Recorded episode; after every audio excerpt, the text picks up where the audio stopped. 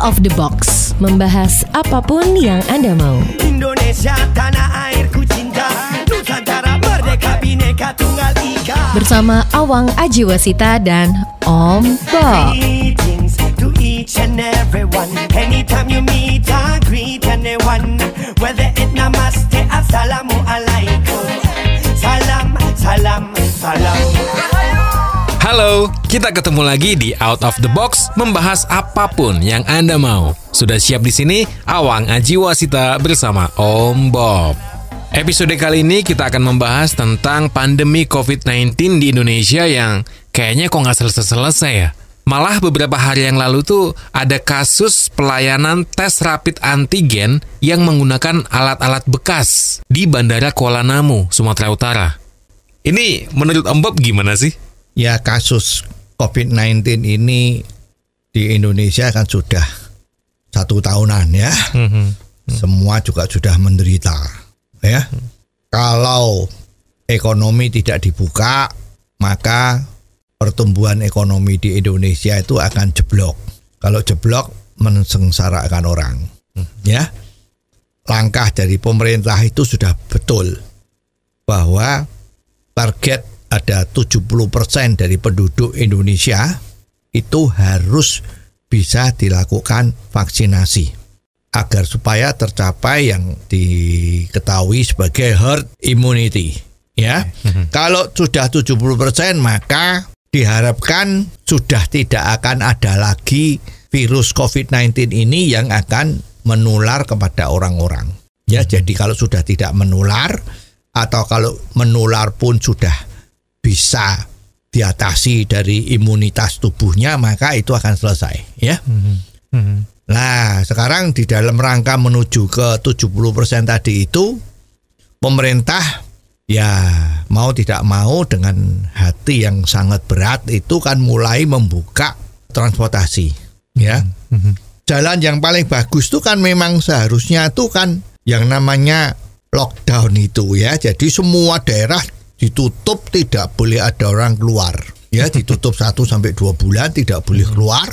Itu sebetulnya akan cepat selesai soal pandemi ini namun ekonominya babak bunyi ya jadi setengah seperti itu mulailah transportasi transportasi dibuka. Oke. nah kejadian kemarin itu yang ada di Medan eh, lapangan terbang Kuala Namu itu ya itu kan ya sudah termasuk idan-idanan. ya. Itu petugas dari kelompok-kelompok yang mengetes apakah calon penumpang itu bisa terbang atau tidak. Itu kan dari hasil tesnya itu ya. Di samping sudah punya tiket pesawat ya, nah juga harus punya hasil tes yang dilakukan di lapangan terbang itu. Ya kemarin ceritanya ya itu banyak sekali. Loh kok dites kok banyak yang positif? Ya mungkin mencapai 70 sampai 80 persen orang yang dites di sana kok positif semua. Ya wah ini kan jarang ada. Jarang ada. Yang namanya positif itu kalau orang dites satu gerombolan orang itu ya paling banyak itu ya 20 persen lah kira-kira seperti itu ya. Empirisnya seperti itu. Ini kok 70 sampai 80 persen semua positif. Nah ini ada apa? Nah pemerintah kepolisian itu curiga. Maka dengan tiba-tiba operasi ini tidak bocor ya Oke. kalau kemarin KPK mau nyita barang bukti di Kalimantan itu kan bocor karena yang mau disita sudah bersih. Lah ini tempat petugas-petugas yang eh, memeriksa rapid test tadi itu ya itu eh, karena tidak bocor ya ketahuan ketangkep lah ternyata itu rapid test itu yang sudah bekas itu dipakai lagi. Jadi ini memang petugasnya yang kurang ajar ya ini petugasnya tidak sadar bahwa apa yang dia lakukan ini mencelakakan seluruh bangsa Indonesia. Ya, semua lagi mikirin mengatasi COVID, ini malah main-main dengan tes-tes seperti itu. Wah, hasilnya kan sekarang jadi orang jadi bingung semua ini ya. Ini itu tes-tes yang diadakan itu itu tujuannya cari duit Ya, apa memang membantu pemerintah agar supaya COVID-nya ini tidak menyebar ke mana-mana? Hmm. Ini menjadi problem besar.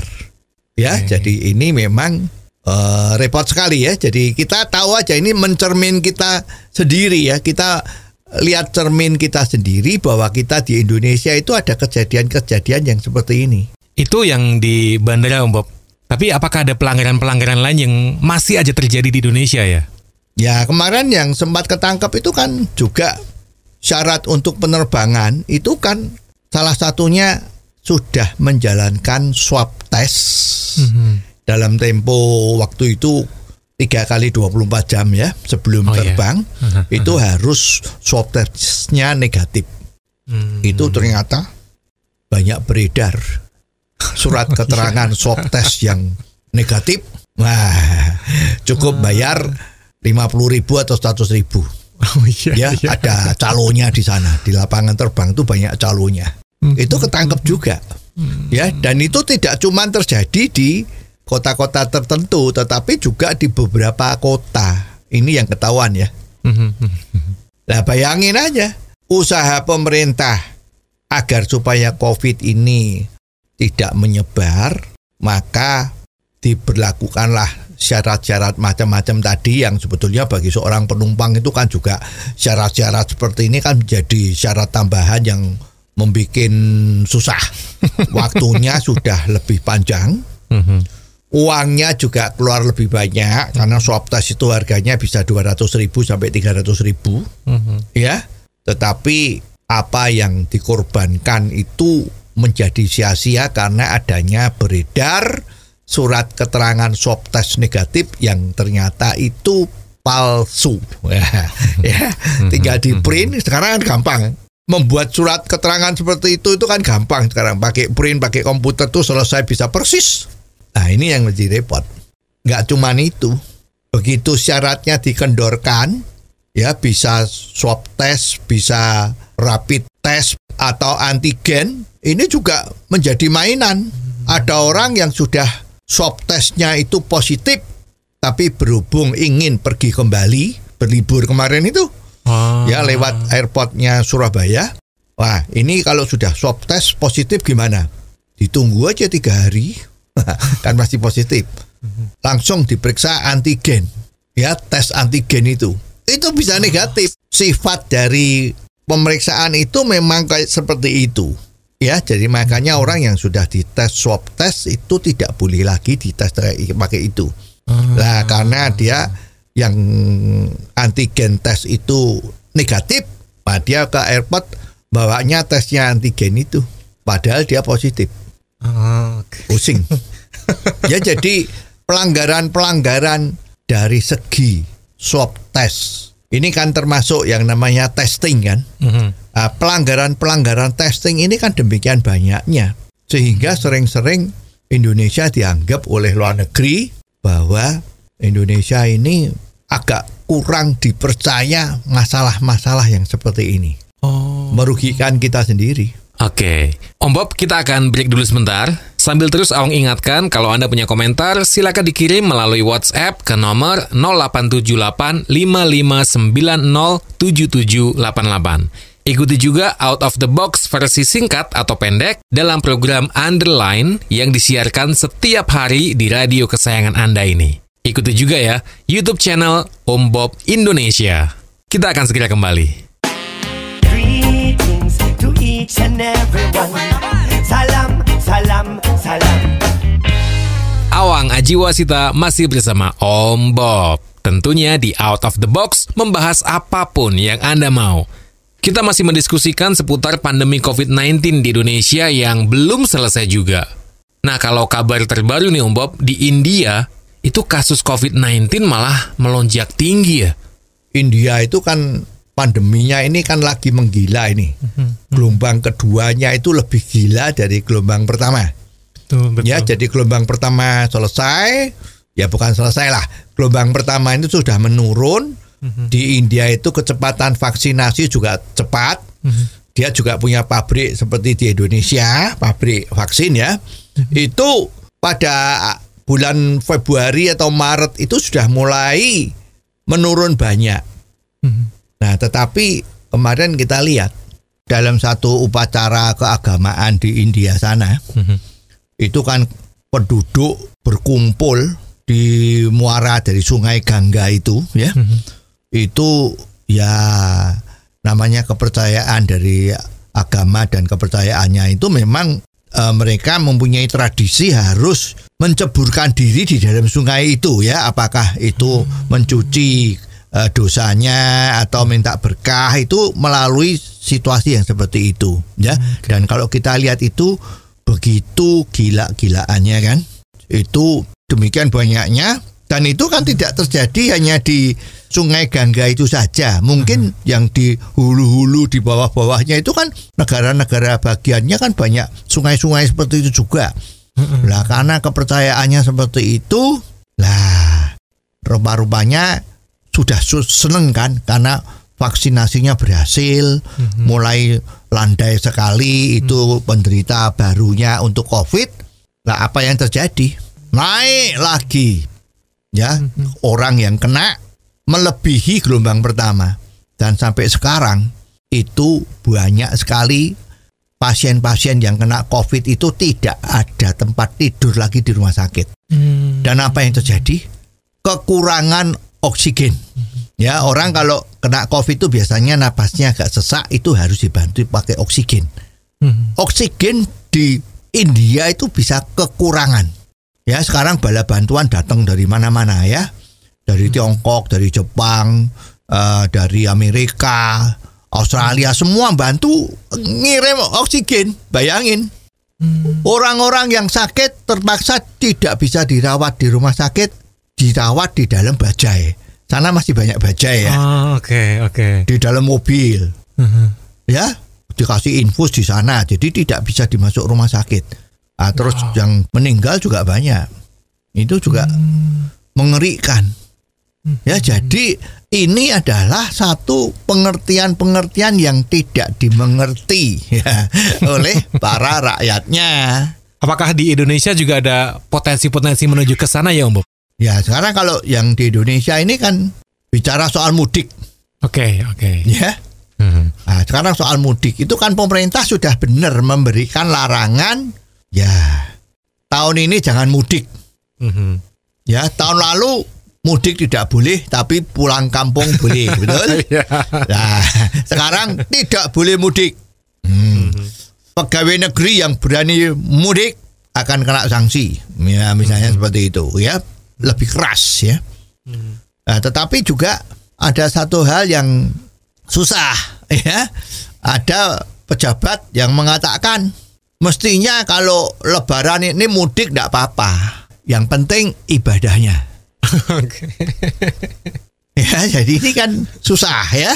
Eh, Padahal penularan-penularan dari COVID ini kan yang sangat luar biasa adalah dari kerumunan.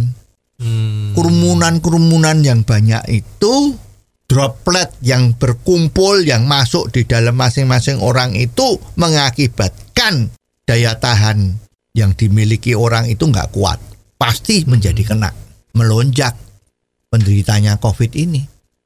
Kalau sampai ini COVID-nya melonjak, apalagi di daerah itu fasilitas rumah sakitnya tidak sebaik di Jakarta, apa yang terjadi? Pemerintah yang susah. Karena sepertinya sekarang ini penderita COVID kan dibiayai oleh pemerintah. Mhm. Masuk rumah sakit, rujukan itu nggak ada masalah. Begitu tahu COVID, langsung diobatin, tidak bayar. Yang bayar pemerintah. Rumah sakit tinggal minta duit anggaran pemerintah itu kan banyak sekali buat itu. Tapi kalau semua rakyat itu terus tidak mempunyai kesadaran untuk menjaga diri supaya tidak kena COVID, anggaran pemerintah yang ratusan triliun itu hanya habis untuk beli obat, ngobatin orang-orang yang kena COVID tadi itu. Masya Allah, itu kan uang yang seharusnya bisa untuk pembangunan, untuk kesejahteraan, habis untuk mengobati orang yang kena COVID. Lah orang yang kena COVID ini dilalahnya kan dia yang mencari perkara sendiri kan. Sudah jangan boleh mudik, kurangilah perjalanan, jangan berkerumun. Itu dilanggar semua. Lah ini kan sepertinya apa yang disediakan oleh pemerintah di dalam dukungan finansial untuk membantu agar supaya lepas dari penderitaan COVID ini, kalau yang kena COVID bisa sembuh ini kan menjadi sia-sia kan? Jadi orang cari penyakit, bukan orang sakit yang diobati, tapi orang yang cari penyakit terus minta pemerintah ngobati. Ya anggarannya sudah ada, mungkin dipikir daripada anggarannya nggak habis gitu ya. Nah, ini yang yang repot. Ya jadi hati-hati sekali. Ini mudik ini juga ada pejabat pusat itu yang mengatakan minta dispensasi. Kalau santri itu boleh mudik, terus gaum bersambut. Di Jawa Timur pejabatnya juga santri Jawa Timur boleh mudik. Hmm, tapi ada juga pejabat di daerah yang lain bilang kita dukung santri di daerah kita juga tidak boleh mudik. Nah ini jadi gimana? ya jadi mestinya kepentingan utama sekarang ini adalah bukan silaturahmi antara keluarga lama udah nggak ketemu kangen-kangenan. Tapi kalau situasi sekarang yang paling penting ya harus mencegah COVID ini. Terus aturan kalau mudik kecuali Oh iya. kecuali ini, kecuali ini, kecuali itu boleh. Ini banyak yang repot. Ya jadi ini harus betul-betul ketat. Ya kemarin sudah sempat koordinasi bahwa banyak akan dilakukan kalau ada yang nekat mudik tidak membawa surat rekomendasi yang sakti harus diputar balik. ya berapa banyak tenaga yang harus uh, mengawasin ini. Ya belum. Nanti kalau kejadiannya seperti itu di Kuala Namu tadi itu. Mau yang palsu ya. ya atau uh, pasal 68 jalan terus gimana? Oke. ya kasihan ya. Banyak kan? Banyak petugas-petugas kita tuh yang kasihan sama orang. Udah jauh-jauh ini setahun sekali mudik. Kalau nggak boleh bagaimana? Kasihan ya dah diloloskan. Nah ini ya contoh yang paling jelas tuh kemarin kan pembagian bantuan uang tunai itu untuk orang-orang yang kehilangan kerjaan atau orang yang nggak punya itu kerumunan. Kerumunan tetapi petugasnya juga tidak bisa mengatur supaya tidak terjadi kerumunan. Lah ini yuk gimana? Ya jadi kalau sudah seperti ini tuh seolah-olah lo ya. Seolah-olah itu masyarakat Indonesia itu eh, sangat kurang disiplin ya dalam menjalankan tugas-tugasnya itu kedisiplinannya itu sangat kurang. Mestinya di dalam hal ngatasi COVID-19 ini harusnya seperti komando tentara yang di militer itu. Kalau komandannya bilang belok kanan ya semua belok kanan. Komandannya bilang tiarap, tiarap semua. Komandannya bilang jangan banyak bicara, eh semua diem. Harusnya seperti ini.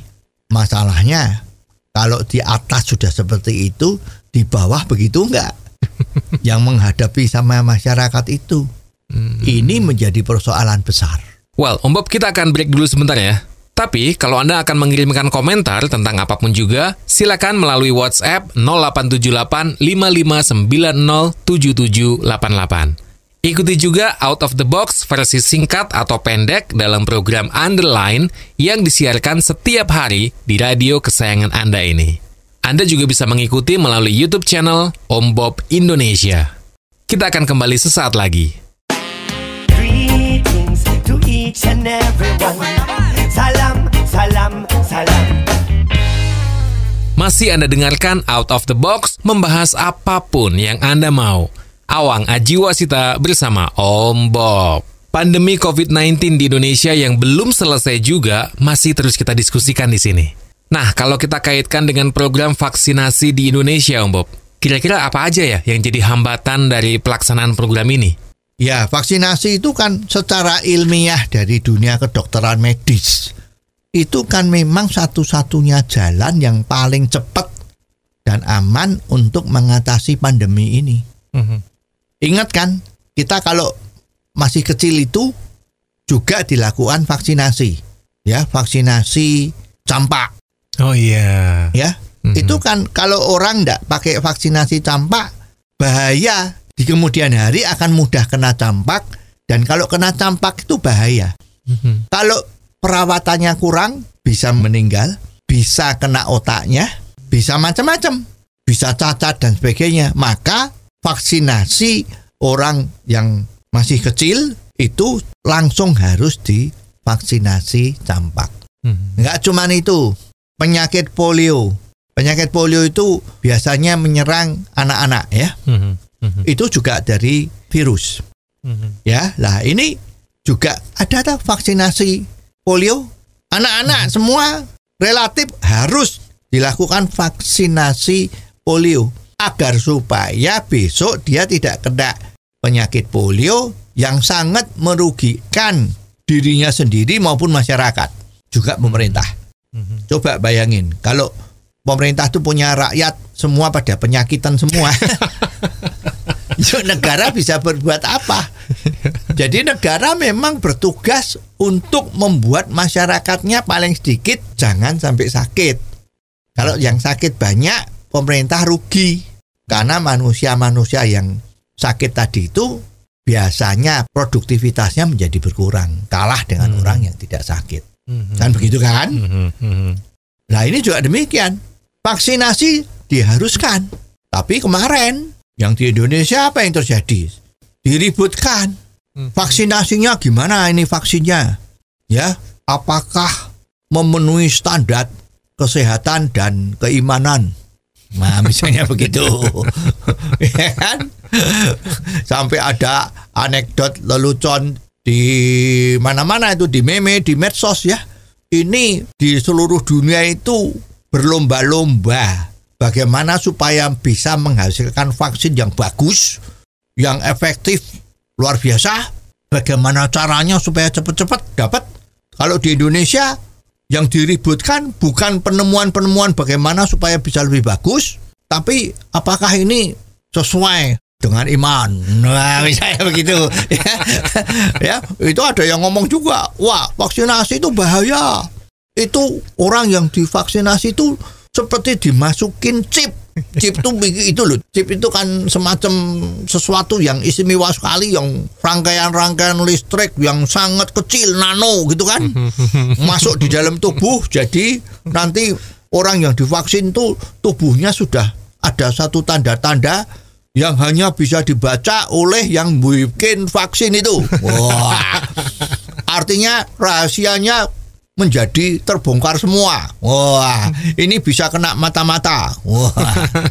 ya, atau ini bisa dimasukin kalau ada yang apa itu keyakinan-keyakinan yang masih diragukan itu ini perwujudan dari setan. Wah, misalnya begitu itu ya. Setan lebih mudah masuk kalau sudah ada itu. Lah, hembusan-hembusan seperti itulah yang membuat masyarakat Indonesia kita menjadi tidak semuanya mendukung vaksin. Wah, saya tak enggak ah, takut. Nanti kalau itu ada apa-apanya. ya, ini yang susah. Ya, jadi mistik-mistik seperti ini menjadi hambatan pemerintah di dalam melaksanakan program vaksinasi secara nasional ini. Kemarin data terakhir yang untuk lansia itu juga targetnya belum tercapai, baru tercapai kurang lebih 70 persen. Mhm. Ya, nah ini ya jangan-jangan salah satunya itu adalah penyebabnya yang seperti ini. Ya, jadi keterangan-keterangan atau hoak-hoak itu yang bikin orang jadi ragu-ragu mau melakukan vaksin atau tidak. Mhm. Ini yang jadi repot. Di luar negeri vaksin itu rebutan, ya karena penduduk dunia demikian banyak, produksinya vaksin itu juga nggak bisa sebanyak penduduk dunia, maka di dunia lain itu rebutan. ya sudah siap uang untuk beli, tapi barangnya nggak ada. Nah Indonesia yang sudah demikian hebatnya bisa mendapatkan vaksin jatahnya sudah cukup banyak, masa ada yang nggak mau malahan ini jadi aneh ya. Jadi mestinya kan ilmu pengetahuan itu ya menjadi tolok ukur untuk urusan-urusan yang ada di dunia yang dihadapi sekarang ini. Oke. Jangan dipikirkan yang akan datang. Mhm. Ya ada yang ngomong urusan sekarang beresin sekarang. Urusan yang akan datang beresin waktu yang akan datang. Hmm. Nah, ini mungkin juga bisa sa- salah satu eh, jadi alasan untuk memberikan satu penyuluhan Hmm. ya. Kalau dari segi eh, sosialisasi vaksin ini kelihatannya juga sudah cukup lumayan ya dari media massa maupun dari sosmed-sosmed itu sudah lumayan, tapi ya masih ada yang seperti seperti itu. Nah, ini yang harus kita atasi bersama. Oke. Om Bob, kita akan jeda dulu sebentar. Jangan lupa, Anda yang mau kirim komentar, silakan dikirim melalui WhatsApp 0878 5590 7788. Ikuti juga Out of the Box versi singkat atau pendek dalam program Underline yang disiarkan di radio kesayangan Anda ini setiap hari. Ikuti juga YouTube channel Om Bob Indonesia. Kita akan kembali sesaat lagi. Greetings to each and everyone. Salam, salam, salam. Terima kasih Anda masih bersama Awang Ajiwasita dan Om Bob. Kita masih di Out of the Box, membahas apa pun yang Anda mau. Kita masih diskusikan seputar pandemi COVID-19 di Indonesia yang sampai sekarang belum selesai juga. Dan yang juga merasakan dampak dari pandemi ini adalah para pengusaha. Seperti yang kita tahu, banyak pertokoan, bahkan mal-mal yang besar pun sekarang sepi pengunjung. Kasihan sebenarnya Om Bob ya. Iya, ini COVID ini membawa sengsara banyak pengusaha. Tapi karyawan juga sengsara ya. Tapi pengusaha itu mall, ya, toko-toko eceran, usaha-usaha hiburan, Hmm. ya, yang biasanya melakukan off air itu Iya. susah tengah mati. Bioskop bisa tutup satu tahun ini udahan. Oh iya. Karaoke tutup, susah. Mall sepi, pengunjungnya relatif nggak ada. Ya kalau ada pun 20% dari semula. Tenan-tenannya yang buka restoran macam-macam juga pada tutup, pada nggak kuat. Jadi semua usaha termasuk perhotelan pandemi ini susah setengah mati. Ya, kalau sekarang you punya duit mau beli hotel banyak yang dijual murah. Ya, terutama di Bali, wah itu semua hotel diobral siapa yang mau beli. Mereka masih punya utang pada bank yang belum lunas, tapi nggak bisa bayar lagi. Nah, daripada disita bank mungkin dijual saja cepet-cepetan lah gitu kan. Memang pemerintah sepertinya menyadari bahwa ini harus dibantu kalau enggak bisa repot. Pemerintah sudah membantu. Ya cuman para pengusaha menganggap bantuan dari pemerintah yang namanya stimulus untuk pembayaran pajak macam-macam itu kok ya sepertinya itu kok kurang dirasakan manfaatnya ya masih ya seperti orang kalau lapar itu baru dikasih bubur encer ya. Nggak dikasih nasi makanya bubur encer gitu ya. Jadi sebentar lagi ya lapar lagi gitu kan. Iya jadi subsidinya dianggap ini kok agak eh, nanggung ya. Mestinya bantu supaya tidak terjadi PHK itu bisa. Sekarang kan banyak terjadi PHK pengurangan gaji. Banyak teman-teman kita yang gajinya dipotong 50 persen 40 persen. Karena ya memang nggak ada income perusahaan juga nggak bisa kalau bayar penuh. Ya yang ideal yang bagus ini yang mau pengusaha ya. Itu ya mestinya pemerintah mensubsidi pengeluaran dari pengusaha ya 70 persen. Jadi misalnya gitu anggaran belanja untuk membayar pegawai itu katakanlah sebulan 10 juta. Oke. maka pemerintah mensubsidi pengusaha itu 7 juta Hmm. yang 3 juta harus pengusaha yang menanggung dengan catatan tidak boleh ada PHK. Ini bagus. Dan usahanya itu tidak boleh ditutup. Kalau ditutup, subsidi pemerintah soal gaji yang 70% itu dihentikan. Jadi diharap usahanya tetap jalan, walaupun omsetnya menurun tetapi tetap jalan karena biaya karyawannya 70% disubsidi oleh pemerintah. Pengusaha menanggung 30%. Itu diharapkan ekonomi bisa muter. Jadi tidak ada PHK, daya beli dari karyawannya juga masih ada. Jadi roda ekonomi ya masih bisa muter. Tapi kalau sekarang subsidinya cuma pajak. Ya, pajak penghasilannya sementara boleh tidak dibayar. Itu pajak penghasilannya. Tapi ruginya kan setengah mati. kalau sudah tidak ada bisnisnya kan pajaknya kan ya relatif tidak ada. Iya. Terus yang disubsidi ya tidak ada. Nggak cuman itu. Pajak restoran. Itu harusnya kan juga dari pemerintah daerah itu juga harus ikut pemerintah pusat. Itu harus dihilangkan dulu. Jadi pajak restoran itu yang besarannya 10% itu juga harusnya selama pandemi ini dinolkan. Hmm. Jadi supaya harga yang dijual kepada konsumen itu bisa lebih murah. Memang dari pihak Pemda kan mengatakan ini 10% kan bukan uangnya pengusaha. Ini kan uangnya dari yang membeli. konsumen ya. Lah tapi konsumen kan juga mikir kalau misalnya sekarang harganya tuh 100 ribu ya Oke. menjadi 110 karena 10 ribunya harus bayar sama pemerintah kan. Mhm. mikir-mikir wah ini kok 110 ribu ya udahlah aku cari barang yang harganya 90 ribu mungkin gitu kan Iya iya iya. tapi kalau itu sudah dihilangkan otomatis harganya turun 10% harganya turun 10% orang daya belinya naik 10% juga kan Oh iya.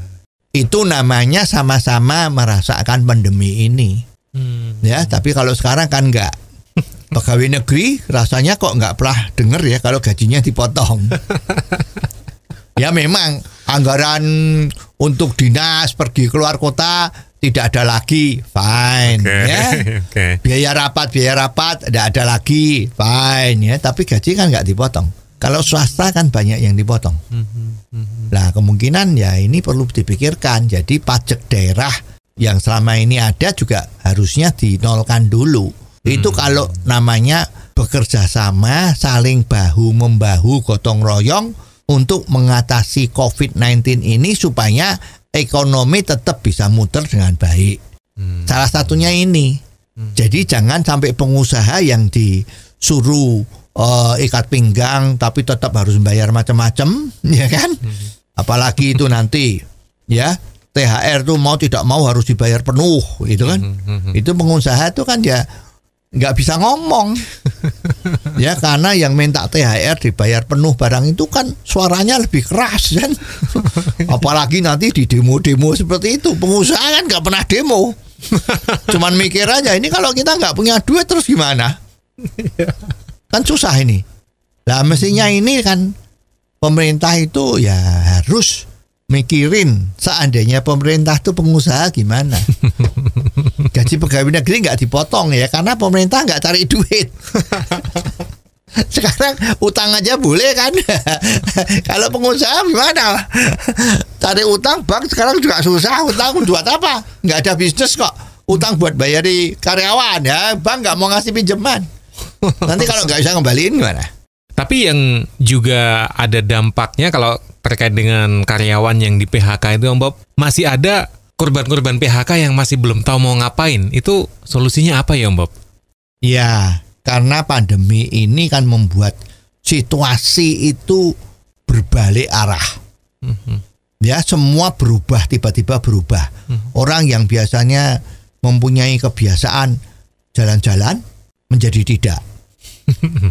menjadi penghuni rumah tahanan sendiri. ya. Jadi mau tidak mau semua menjadi start mulai nol. Hmm. Jadi orang-orang yang kena PHK ya harus mikir bagaimana caranya. Oh sekarang jual beli online rame. Ya harus belajar bagaimana bisa jual beli online. Hmm. Saya tidak bisa masak kuliner, ya kan? Hmm. Hmm. Saya nggak bisa membuat barang kerajinan tangan. Hmm. Terus saya bagaimana? Oh saya jadi kurir, bisa kan? Hmm. Komplek tempat tinggalnya itu siapa? Yuk, siapa yang mau oh, beli beras? Nanti saya beliin seluruh komplek itu berapa orang? Ya, yuk belanjakan. Ya, di situ kamu ngambil keuntungan sedikit, ongkos jalannya. daripada orang itu mikir berangkat sendiri-sendiri biayanya lebih banyak, lebih bagus titip. Just tip, just tip, jalan. Itulah yang harus dipikirkan dan ini sekarang kan sudah terjadi. Banyak just tip, banyak online. Betul. Apalagi sekarang fasilitas apa itu sosmed itu sangat luar biasa kan Indonesia ter- termasuk yang paling banyak menggunakan sosmed di dunia. Itu pasang PP itu saya jualan sekoteng, wah orang udah tanya. Ya. saya jualan durian. Durian punya kebun sendiri di belakang itu lagi panen. Ada durian hasil kebun sendiri. Mestinya kan itu bebas polusi ya. Vitamin penuh, rasanya enak. Ya. Banyak orang yang tanya. Ada yang saya panen apokat, jual lewat PP sosmednya dia. Ah, laku juga. ya, asal orang mau berusaha ya bisa laku, bisa berusaha. Dan ini start mulai sekarang karena semua juga bingung siapa yang memulai dulu nanti dia akan menang. Oke. Ya, jadi jangan cuman bingung melulu, tapi lakukanlah sesuatu. Ya, tirulah sesuatu agar supaya kita bisa tetap survive. Karena yang bisa membantu diri kita sendiri ya adalah kita sendiri. Jangan mengharapkan orang lain bisa membantu you. Ya, jadi rubahlah nasibmu dengan caramu sendiri. Jangan sampai orang lain yang merubah nasibmu. Kalau orang lain yang merubah nasibmu, biasanya nasibmu lebih jelek. ya, inilah pedomannya. Jadi mulai sekarang pikirlah kayak apa, tirulah mereka-mereka yang sukses berusaha sendiri, ya, agar supaya kehidupan bisa tetap baik. Dengan harapan begitu ini COVID selesai, ya majunya bisa lebih cepat. Yes. Dan sampai di sini episode kita kali ini. Terima kasih untuk kebersamaan Anda. Jangan lupa kalau Anda akan mengirimkan komentar, silakan dikirim melalui WhatsApp ke nomor 0878 55907788. Anda juga bisa mengikuti Out of the Box versi singkat atau pendek dalam program Underline yang setiap hari disiarkan di radio kesayangan Anda ini. Ikuti juga YouTube channel Om Bob Indonesia. Sampai ketemu di episode selanjutnya, Awang Ajiwasita bersama Om Bob. Tentunya di Out of the Box membahas apa pun yang Anda mau. Out of the box. Membahas apa pun yang Anda mau.